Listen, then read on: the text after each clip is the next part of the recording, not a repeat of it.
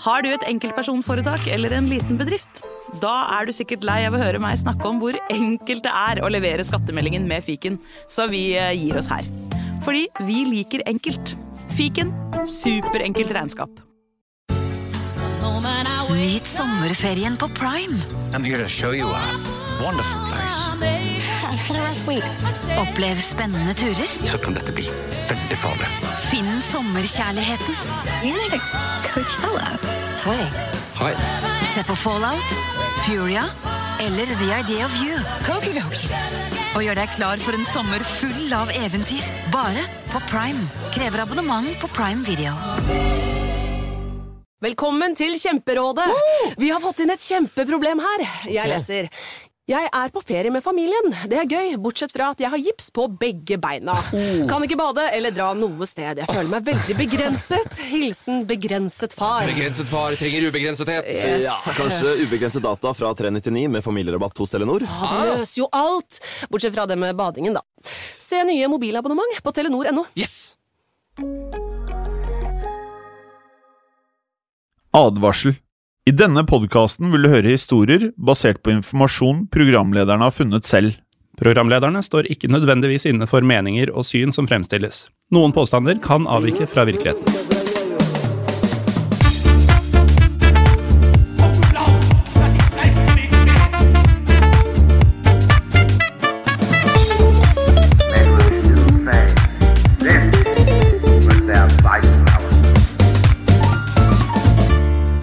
Og velkommen til Historiebånd andre verdenskrig. Mitt navn er som alltid Jim Fosheim. Og mitt er Morten Galaasen. Hei. Eh, hei, Morten. Eh, vi kan jo si sånn at eh, vi har kommet dit at jeg i hvert fall på Jeg har tatt dose 1 og 2 og boostervaksine. Så jeg er kommet eh, til det punktet hvor eh, jeg begynner sånn gradvis å være innstilt på å sitte i studio fysisk. Det er hverdagen vi kan eh, ha med å gjøre i fremtiden. Ja, jeg håper det. At, uh, nå er det et par uker på rad at vi har sittet her. Så jeg håper det skal skje igjen og igjen. Og igjen og igjen. Eh, hvordan er det med deg nå? Du har jo både hatt koronavirus koronavirus og to vaksiner. Ja. Det er korrekt. Jeg fikk jo viruset før første vaksine. Og da Ja. var det lenge sånn at jeg var regna som fullvaksinert med én dose bare. Men da folk begynte med tredje, da fikk jeg endelig mast meg til en eh, toer. Ja, For du ville ha det? Ja, ja. Ja, ok, nettopp. Mm. Fordi eh, man hører om veldig mange nå som eh, mener at hvis du har hatt korona, så ønsker de helst ikke å ta flere doser enn det de må, fordi de mener at de har eh, ja, nok motstand for korona i at de har hatt det. Ja, det kan jo sikkert ha noe for seg, det. Men man ser jo også at folk som har hatt det før, For det igjen, ja. Og igjen. Så, så det er jo ikke Jeg tror det er veldig individuelt fra kropp til kropp, da, hvordan, mm. hvordan det reagerer. Mm. Eh, Men jeg føler meg ganske godt beskytta nå. Ja, bra. Eh, Og det vi da på en klønete måte sier, er at vi kommer til å sitte mye i studio sammen. Og det er jo hyggelig. Ja, Det er hyggelig for oss mens vi sitter her, og det er helt sikkert hyggelig for de som hører på også. Ja, jeg lurer på om folk hører forskjell på når vi sitter på hver vår kant og når vi er i samme rom. Ja. Kanskje vi skal be dem eh, kontakte Historiepodden Norge på Instagram eller Facebook og fortelle Altså, alle trenger ikke å gjøre det. Nei, alle trenger ikke å gjøre det. Men hvis man kanskje har hatt en spesiell opplevelse av at oi, nå merker jeg at de sitter Ja. i studio, eller ikke sitter i studio, så kunne det vært gøy å høre. Ikke det at vi får gjort noe med det hvis vi må begynne å sitte hvert vårt rom, men det er morsomt å vite om folk hører forskjell. Ja. Så ta gjerne en eh, variant hvor dere sender over en eh, melding på det. Mm.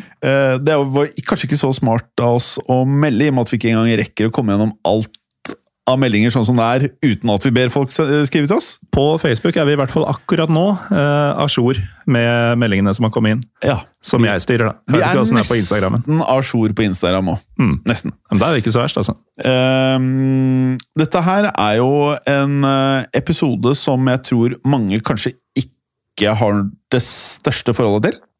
Det kan godt hende. Det er jo på en måte første episode i en slags underserie vi har på gang nå, om kvinnelige agenter. Ja.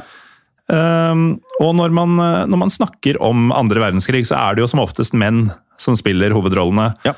Uh, og kvinner de omtales da som regel i sammenheng med den eh, viktige innsatsen på hjemmefronten ved å holde samfunnet i gang, mens mennene da var på slagmarka og i eh, disse situasjonsrommene og konferansene osv.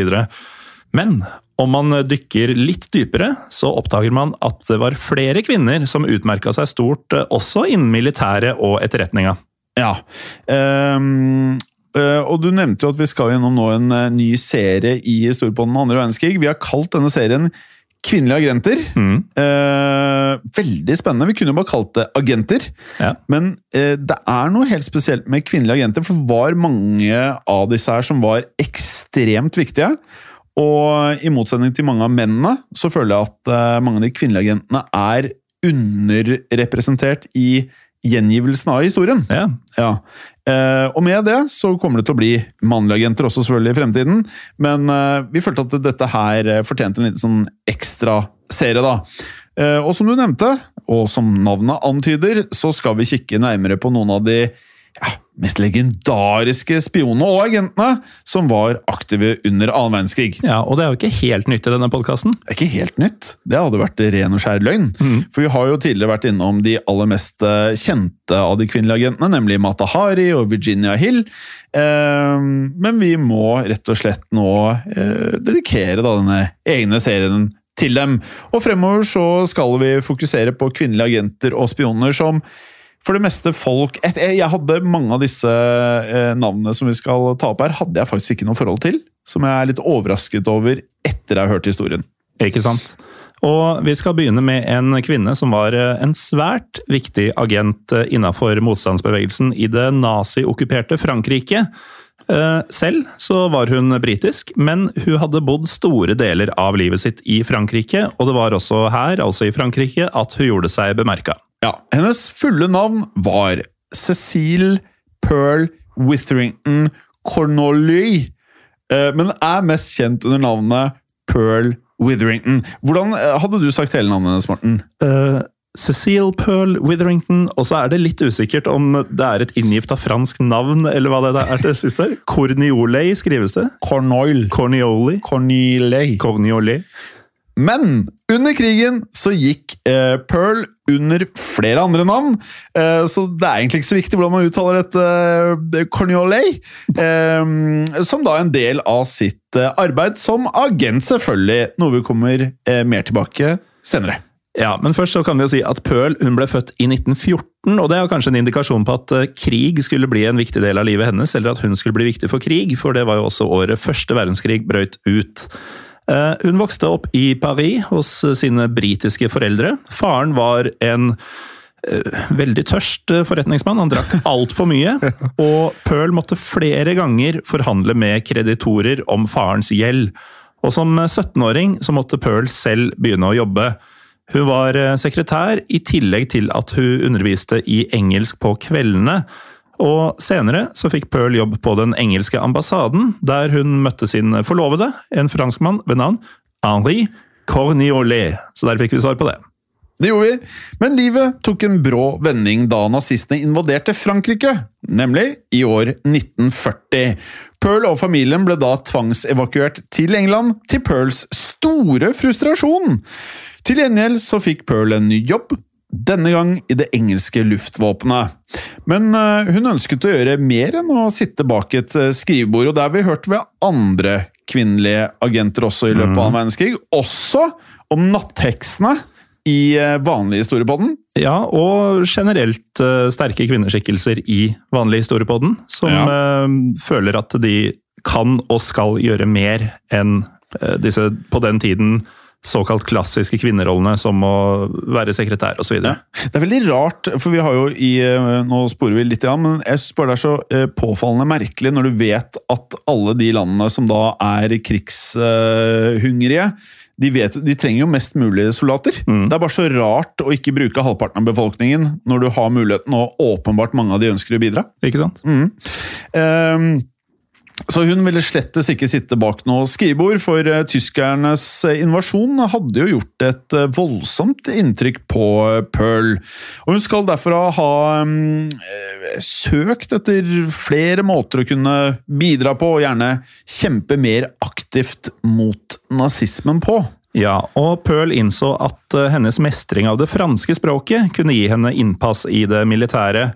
Så i 1943 så meldte Pearl seg til Special Operations Executive, eh, også kjent da under forkortelsen SOE, SOE.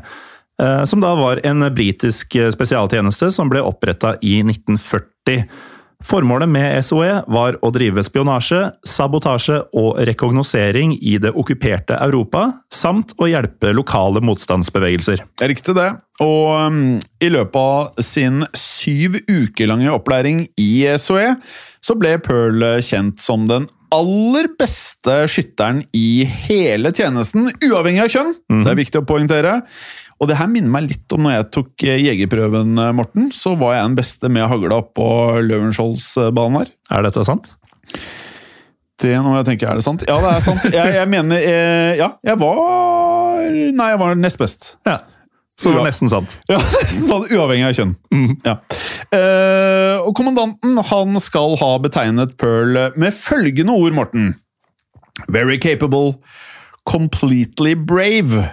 For de av dere som ikke er så stødige i engelsk, så betyr det da veldig dyktig, full av mot. Ja. Ble du kalt det samme da du tok eh, jegerprøven? Nei, det var ingen som la merke til at jeg traff alle de der eh, lær, lærduene. Nei. Uh, natt til 23.9.1943 så hoppa Pearl i fallskjerm fra et fly over Frankrike, nær Chateau Roux. De to eh, koffertene hennes eh, landa i en innsjø, og alle hennes klær og alle hennes sko og alt hennes utstyr gikk dermed tapt i denne innsjøen. Du, jeg ønsker bare sånn at lytterne forstår dette her. Hva var det du sa det området het? Chateau Roux. Ja, for det skrives Chateau Roux. Altså CHA med noe sånn strek over. E T-E-A-U-R-O-U-X. Chateau Roux. Hvordan du tok den på første, det er ganske imponerende. Jeg har faktisk eh, litt kjennskap til akkurat det navnet fra gamle dager. For oh, ja. jeg hadde et uh, ganske brukbart eh, fotballag for mange år tilbake. Ja. Så det var ikke første gang jeg har sett ordet. Har du vært i Chateau Roux? Nei, det har jeg ikke. Nei, nettopp. Um, I hvert fall, um, Pearl mista alle tinga sine i innsjøen, men i løpet av noen timer så ble hun gjenforent med sin franske forlovede, uh, Henri.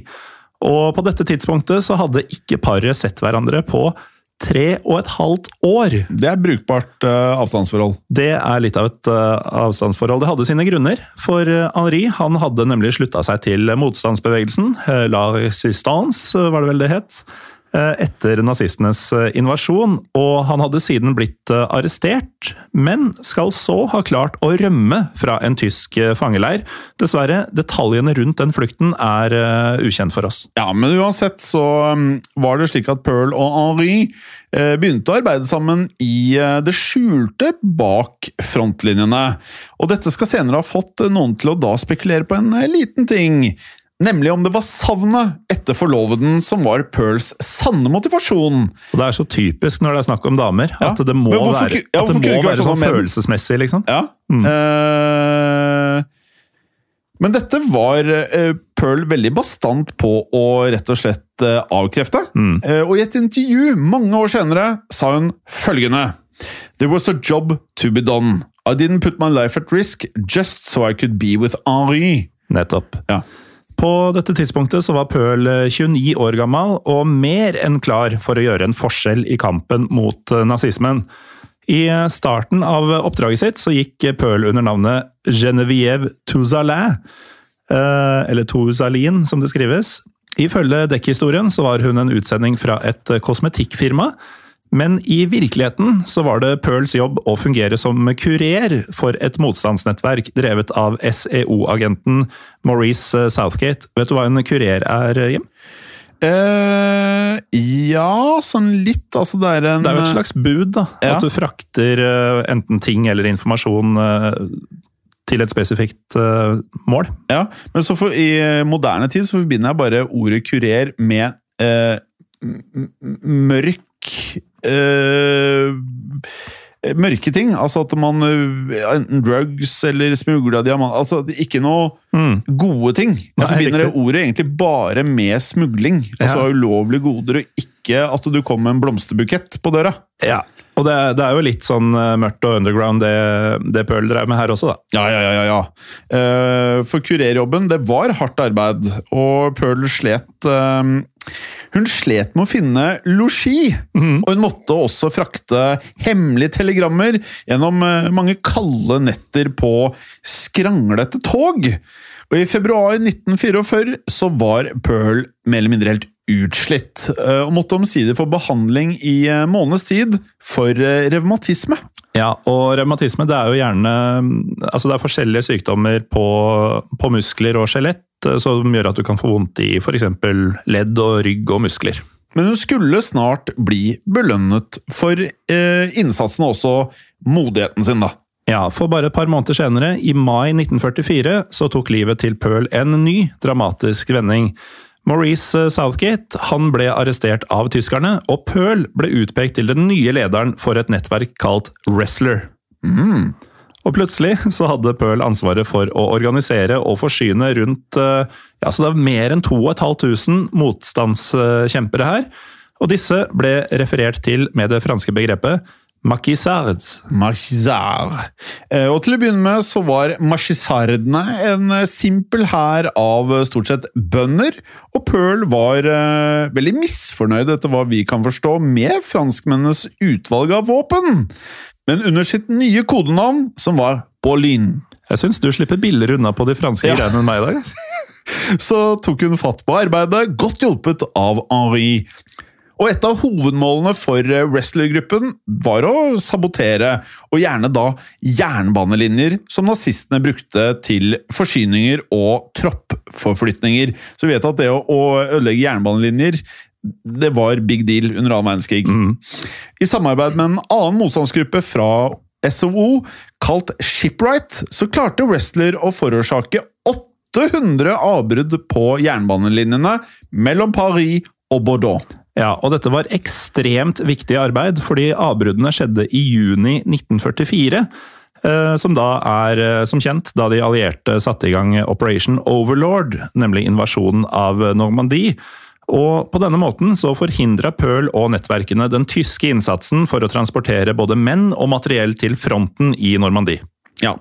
Pearls bidrag til motstandsbevegelsen var eh, med andre ord essensiell. Eh, Men arbeidet i det tyskokkuperte Frankrike det var jo selvfølgelig ikke uten farer.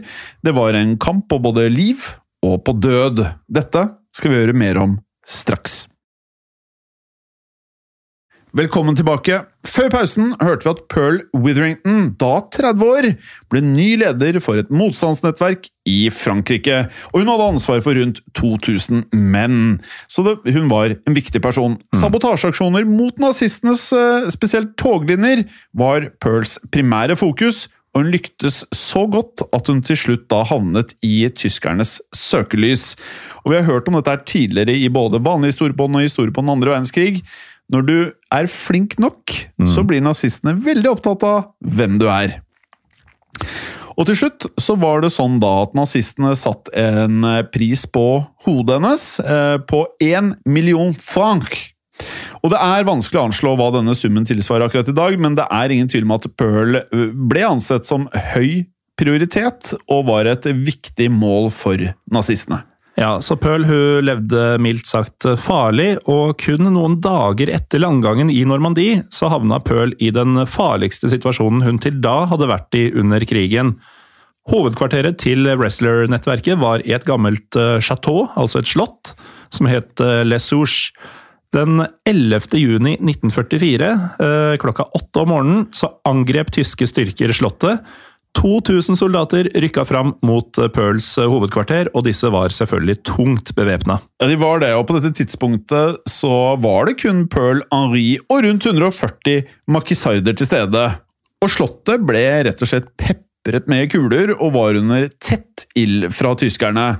Og kampene pågikk i rundt 14 timer. Og Pearl skal ha skjønt at hun eh, omsider rett og slett eh, måtte komme seg vekk. Og hun gjemte også tinnskrinet der hun oppbevarte en eh, relativt stor sum med penger og flyktet da til en hveteåker, der hun da lå og gjemte seg til mørket falt på.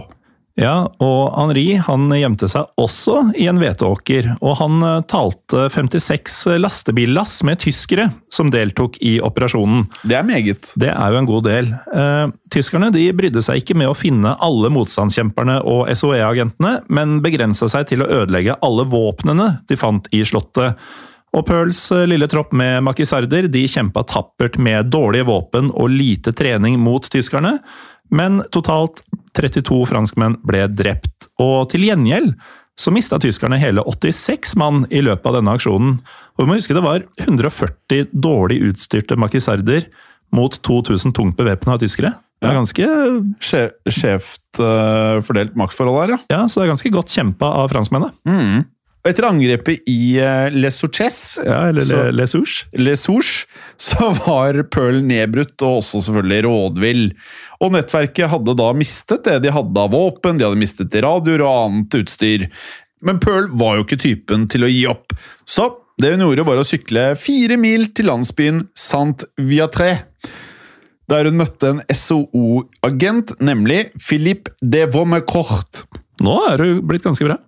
Ja, sa jeg det riktig? Mer eller mindre. Vaumecourt. Eh, med dekknavnet St. Paul. Det kan jeg like. Eh, og via ham så sendte Pearl radiobeskjed til London og ba om vitale forsyninger. Ja, og litt over en uke senere, da vi kommet til 24. juni 1944, så droppa tre fly nye forsyninger over den franske landsbygda. Pearl og motstandskjemperne var dermed tilbake i drift, og antallet makisarder i regionen økte raskt til så mange som 3500, ettersom den vellykka Normandie-invasjonen oppmuntra unge menn til å slutte seg til motstanden. SOE i Storbritannia støttet Maquisard-gruppene ved å slippe 60 flylaster med våpen og materiale i fallskjerm til dem. Og Pearl hadde lenge etterspurt en eh, militæroffiser til å hjelpe henne i arbeidet sitt, og den 25. juli så ankom kaptein Francois Perdrisset, som da skulle assistere i eh, de militære operasjonene. Og Pearls nettverk eh, fortsatte med aksjoner mot eh, tyskerne, som dag for dag ble pressa ut av Frankrike av de allierte. I slutten av august 1944 så ble Pearls eh, wrestlernettverk beordra av franske myndigheter, som nå styrte over motstandskjemperne, til å dra til Gatinskogen, nær byen Valencé. Eh, Målet var å stoppe den tyske hæren i Sør-Frankrike fra å knytte seg til tyske styrker i Nord-Frankrike. Ja, og Pearl motsatte seg eh, egentlig alt som hadde med denne forflytningen å gjøre, men eh, ble likevel med wrestlersoldatene. Og ved Gatin så oppsto det en eh, spent front der nærmere 20 000 tyske soldater ble truet av eh, de franske makisardene. Og i frykt for gjengjeldelse så ønsket da tyskerne å overgi seg til franskmennene, men i stedet til en såkalt vanlig hær. Og derfor så forhandlet tyskerne med den amerikanske generalen Robert C. Macken, eller Masson, eller Macon. Ja, Man blir forvirra av alle alle de forskjellige nasjonalitetene her. Ja, for han er amerikaner, Robert C. Macon. Ja, så Det er jo bacon, bare med M. Ja, så Robert C. Macon. Og dermed ble det amerikanerne som fikk æren av å ta de tyske troppene i sin varetekt. Eh, Makisardene og Pøl de ble fullstendig ignorert, og deres innsats for å stanse de tyske troppene ble ikke anerkjent. Dette er jo ikke helt ulikt masse historier vi har her fra Norge, Jim. Ja. Akkurat denne delen. Nei, det er eh, Det, det går igjen. Mm, det går igjen.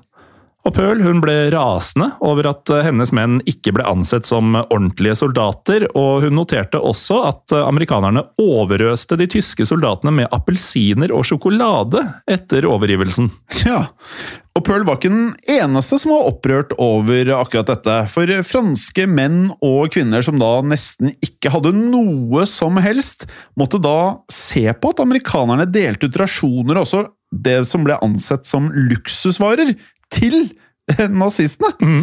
Eh, og amerikanske flagg ble derfor eh, revet ned, faktisk.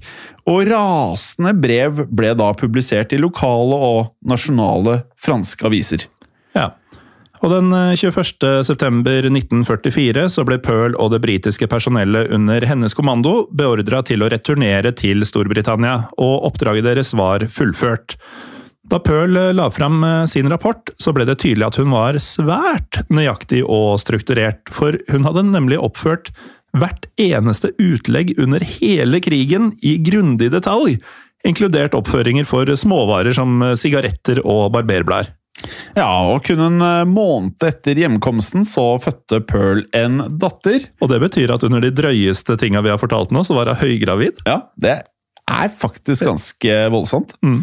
Og Morten, nå kan jo, etter hva jeg forstår, du og jeg aldri bli gravide, i hvert fall ikke med dagens teknologi. Nei.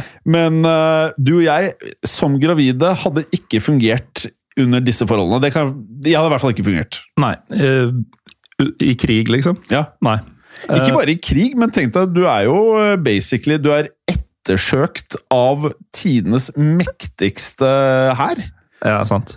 Nei, det, det hadde ikke gått eh, bra for verken meg eller eh, barnet mitt. Nei, jeg hadde vært ganske stressa da, Morten. Men eh, Pearl var av et annet format enn både deg og meg, Jim. Og etter krigen så ble hun anbefalt som mottaker av utmerkelsen Military Cross. Men som kvinne så var hun ikke kvalifisert, og hun ble i stedet tilbudt et medlemskap i Order of the British Empire. Um, Det er noe bullshit, eller? det er noe bullshit. Ja, det er noe bullshit. Uh, og dette medlemskapet skulle da være i Civil Division, altså som sivilist. Pearl avviste dette med en iskald kommentar om at eh, det var ikke noe sivilt ved det jeg gjorde. Nei. Uh, og som vi var litt inne på tidligere, jeg satt ikke bak et skrivebord hele dagen. Eh, det gjorde hun på ingen måte. Og det verste er sikkert de, de som sitter bak et skrivebord, det er de som sier at hun ikke kan få dette her. Mm. Det er eh, paradoksalt og noe som går igjen i dagens samfunn. Ja, og hun skrev også følgende på sitt uh, moderspråk eh, engelsk. The work which I undertook was of a purely military nature in enemy-occupied country. I personally was responsible for the training and organization of nearly 3,000 men for sabotage and guerrilla warfare. Men jeg, jeg må faktisk si at eh, jeg lar meg irritere over helter. Vi har sett det i mange episoder i denne podkasten her. Helter, og spesielt norske også, som ikke Altså, det er folk som har vunnet krigen. Ja, Eh, Uunnværlige når det gjelder. Ja. Eh, Kasta under bussen så Ja. fort det er over. Ja, det er, eh, det er noe Det er vanskelig å fordøye, altså. Blir irritert. Uh, ja, uansett. Pearl godtok senere en militær MBE, og ble mange år senere avansert til Commander of the Order of the British Empire, CBE. Og hun var også mottaker av Legion de Arnaud, altså den franske æreslegionen. Ja, Så det, det kom seg jo litt etter hvert. Um, Altså, jeg, sånn, jeg kunne sagt det mye verre, for jeg s- merket at du ikke var helt fornøyd med Jeg kunne sagt Legion de Honner. ja, Det er det det eh, står. Så sa jeg de Honor. Ja, jeg, jeg tror det er mer eh, Legion d'honneur. Ah, ja. Eh, Men eh, altså, jeg har ikke hatt fransk på, eh, jeg har ikke hatt fransk på godt over 15 år. Jeg har hatt mye tysk jeg på skolen. Mm. Sånn jevnt sånn tre og fire på glos, gloseprøvene. Ja. Ja. Um, uansett, i resten av sitt yrkesaktive liv så ble det litt mer civil over det Pearl drev med. Hun jobba nemlig for Verdensbanken. Og så seint som i 1991 så hjalp Pearl og mannen hennes med å etablere Valencé SOE Memorial til minne om 104 SOE-agenter som døde under tjenesten i krigen. Valencé var jo et av disse stedene som eh, hun oppholdt seg Ja. under krigen, som vi snakket om tidligere. Eh, Og til slutt så trakk paret seg tilbake i nærheten av nettopp eh, Valencé. Ja. Og i 1997 så kom Pearls selvbiografi, som ble hetende Pauline. To år senere, i 1999, døde hennes mann Henri. Og samme år ble det gitt ut en roman av Sebastian Folks kalt Charlotte Grey. Hovedkarakteren i denne romanen hadde mange likhetstrekk til Pearls historie, men folk selv nektet faktisk for at romanen var basert på Pearl.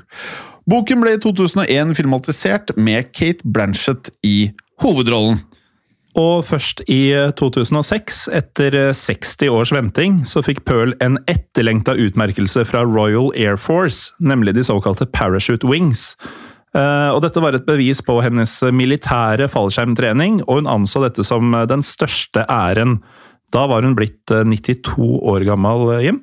Så det var også noe av det siste hun eh, fikk oppleve. For eh, Pearl eh, Witherington Coniolet hun døde nemlig 24.2.2008, 93 år gammel, på et eldrehjem i Loire-dalen i Frankrike. Ja.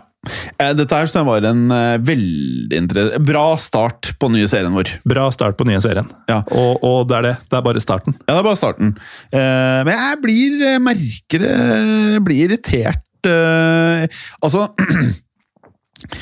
eh, Vi har sett så mye sånn diskriminering om kjønn. Det mener jeg bare sånn komplett idioti.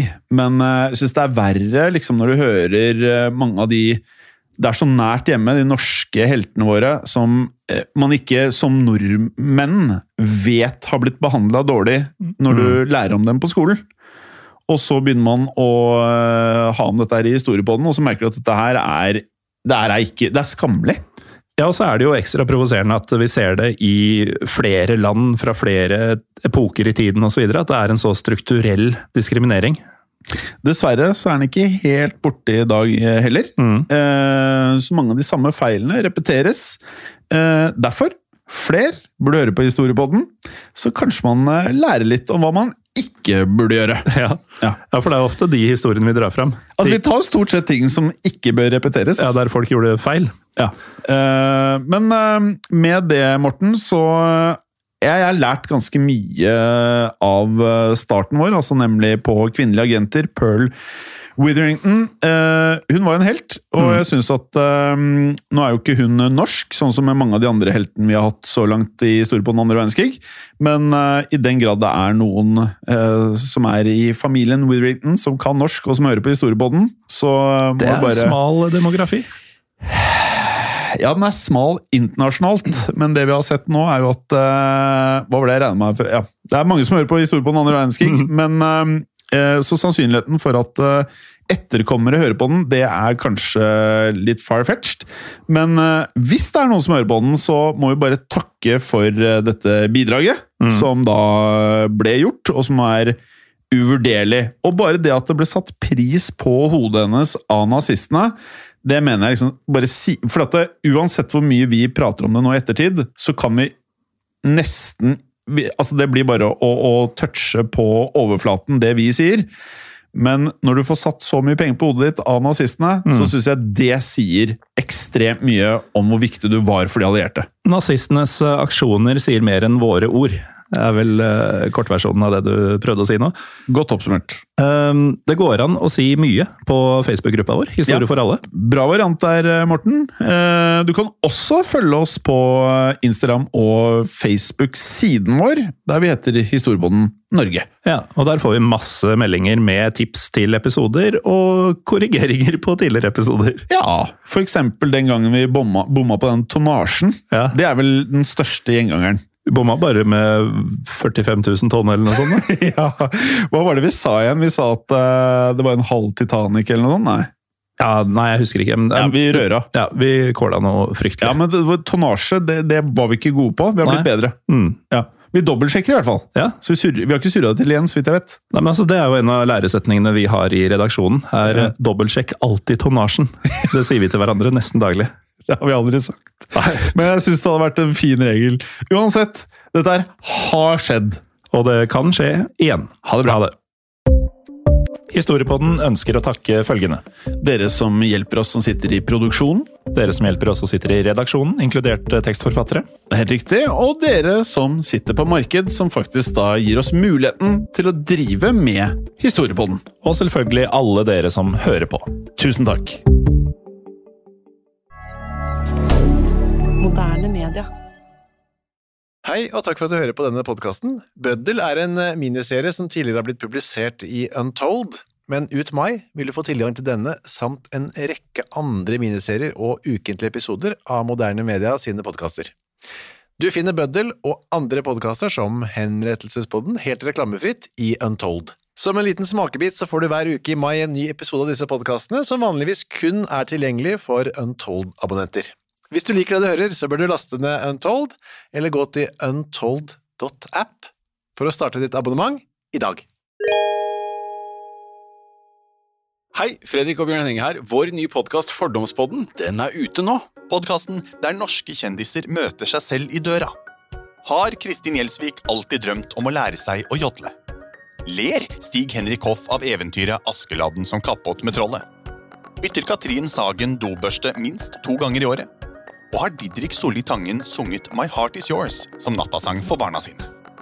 Hver uke blir nemlig én ny gjest konfrontert med både store og små fordommer i vårt forsøk på å komme til bunns i hvem de egentlig er.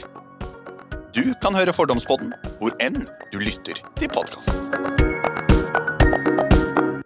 Hei, Morten. Hei Em. Og hei til deg som eh, hører på. I eh, dag så har vi en eh, stor overraskelse til dere alle sammen. Det har vi, for eh, vi har bestemt oss eh, for å gi dere som hører på en liten smakebit på hva man får med abonnement i Untold. Det er helt riktig, men eh, hva er Untold, Morten?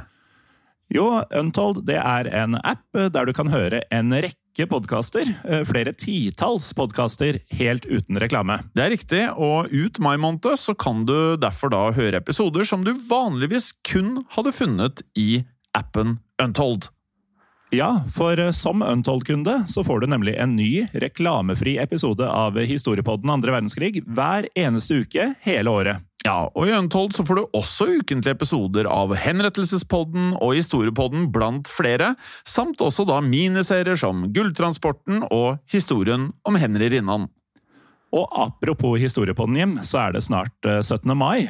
Og i Historiepodden så vil man kunne høre episoden om torgslaget i Kristiania i forbindelse med nettopp eh, den datoen.